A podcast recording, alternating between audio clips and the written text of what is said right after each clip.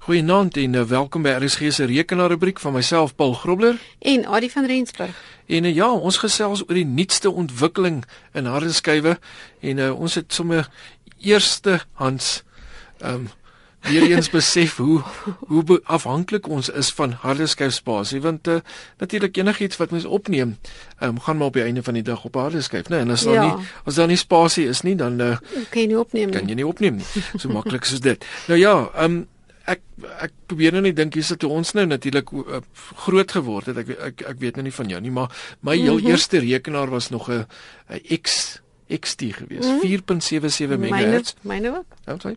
En ehm um, selfde era nou ek was in die hoërskool gewees toe ek my eerste rekenaar gekry het en natuurlik ons kon op daai stadium nie eers letterlik 'n harde skyf bekostig het nie.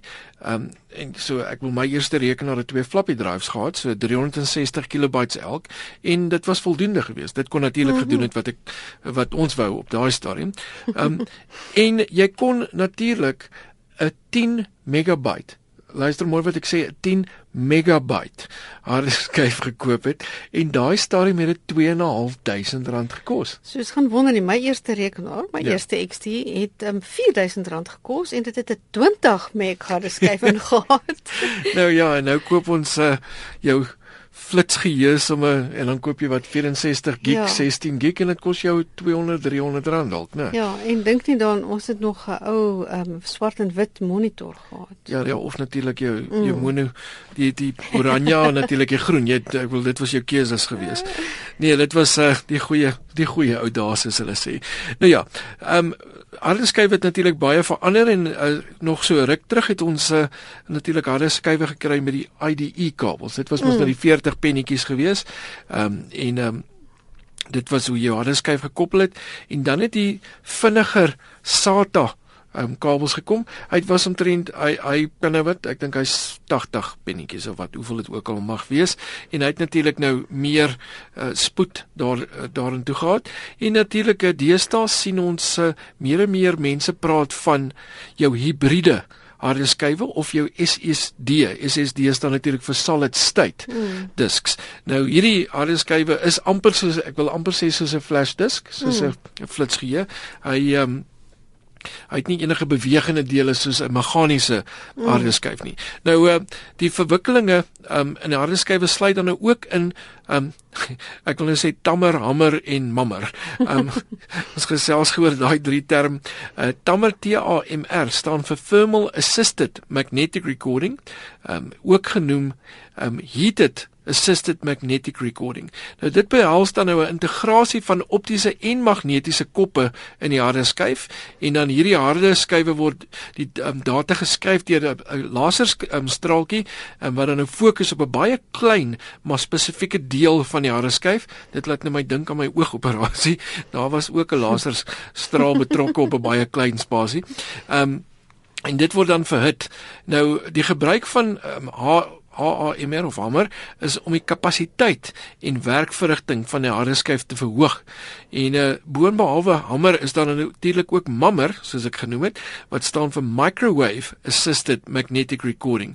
En hierdie word die magnetiese digtheid van 3 terabits per vierkante duim behaal. Nou dit is nogal fenomenaal. Mm. 3 terabits per vierkante duim. Terwyl hamer 5 terabits per vierkante duim kan gee, Nou deur die hamer tegnologie te gebruik sal dit 2.5 duim harde skyf wat ons in ons tipies ons in ons laptops kry. Mm. Ehm um, kan jy potensieel 20 terabyte harde skywe kry en 'n 3.5 duim harde skyf gaan vir jou omtrent 60 terabyte ehm um, kapasiteit gee. Dis dis goed, dis groot. Ja, dit lyk my dit is maar so ons ons ehm um, het al hoe meer meer groot data of big data. Ons het meer goed om te stoor en ons ja. het so die die behoefte die behoefte aan groter harde skywe is daar. Is amper soos die behoefte aan breëband, dit raak meer en meer. Ja, jy ons wil vinniger en vinniger natuurlik. Nou nog 'n oplossing wat die kapasiteit van harde skywe verhoog is om dit met helium te vul. Nou ja, ons weet almal as ons dit met helium vul gaan gaan ek en jy verskriklik snaaks klink natuurlik op die radio ook.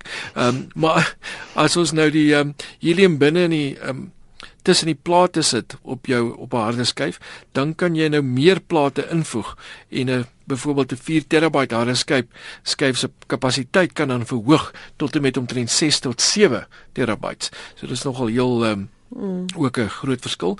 Dan jou hibriede hardeskywe gebruik wat ons noem 'n soliede staatkomponent of jou solid state disks um, om die data te cache of dan nou te stoor vir gebruik. Um, en dit verhoog dan nou die spoed omdat daar geen bewegende kop nodig is om die data te lees nie. Nou die SSD deel verhoog egter natuurlik die prys. So dis hoekom jy vind dat SSD skywe op hierdie stadium is natuurlik redelik amper ek wil amper sê belaglik duur nog. Hmm, so um, jy jy gaan redelik betaal vir dit. Ehm um, so 'n hybride hardeskyf werk nogal goed want jy kry sê net maar 'n 8 gig um, gedeelte wat SSD is en dan 1 of 2 terabytes um, gewone hardeskyf spasie en dit gee vir jou dan 'n voldoende um, spasie op dit wat gebruik moet word om dit te stoor. Ehm um, nou die SSD deel verhoog dan nou die ehm um, pryse as ek genoem het en want is baie duurder as die meganiese hardeskyf gedeelte. Ehm um, maar daar's natuurlik ook 'n hele paar rekenaars wat deesdae al reeds uitkom met die SSD hardeskyf standaard. Ja, ek het so ek het so pas my laptop gekry ja. met 'n met 'n uit uit 'n 256 gig. Gig. Okay. Ja. Dit is baie vinnig, né? Ja. Dit maak dit baie vinnig. Okay, ek kan dink. Ja, my net maar 64 gig enetjie wat ek het, maar hy is dan nou ook al 'n jaar of 2 oud, so tegnologie van. nou ja, die koste sal natuurlik um, minder word met tyd, uh want natuurlik dit is gewild en dit is twee keer vinniger as die meganiese weergawe.